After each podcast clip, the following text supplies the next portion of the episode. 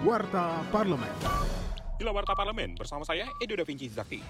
Wakil Ketua Komisi 10 DPR RI Diadiuso menyoroti pelaksanaan program Sekolah Bergerak atau PSP yang masih menemukan ketidaksiapan pemerintah pada fasilitas sarana dan prasarana seperti infrastruktur, internet, listrik, dan pelatihan SDM. Saat meninjau pelaksanaan PSP di Kota Palembang, Sumatera Selatan, politisi praksi Partai Demokrat tersebut berpendapat perlunya koordinasi dan duduk bersama antar kementerian terkait. Untuk setaran program, pelaksanaan PSP juga akan berpengaruh pada wilayah 3T yang belum memiliki fasilitas pendukung yang memadai.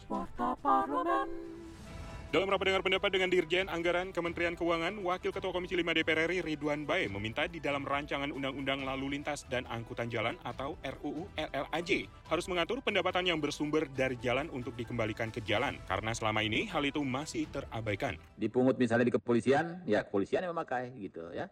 Kalau dipungut di perhubungan, ya perhubungan yang memakai. Jadi harus terpikirkan dengan baik ini karena kita bicara semua pengguna jalan kan adalah berdampak pada jalan itu sendiri. Kalau dia berdampak pada jalan kan harusnya pajak-pajak yang juga bersumber dari jalan itu kita kembalikan ke jalan. Tapi itu menjadi pikiran kami ke depan. Siapa pun sebenarnya kita ada persoalan. Yang penting bahwa bagaimana pajak kita dapatkan yang tidak memberatkan masyarakat dan objek-objek yang sebagai sumber pendapatan pajak tadi juga tidak terabaikan.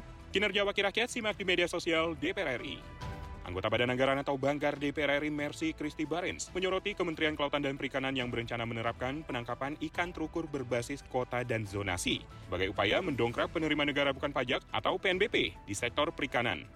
Legislator dari fraksi PD Perjuangan itu menolak kebijakan tersebut karena belum sejalan dengan upaya perlindungan terhadap kesejahteraan nelayan kecil. Hal ini perlu dikaji kembali. Menurut Mercy, semestinya pemerintah membuat kebijakan dengan memikirkan nelayan kecil tradisional dibandingkan pengusaha dan investasi asing demi mengejar target PNBP. Televisi Radio Parlemen.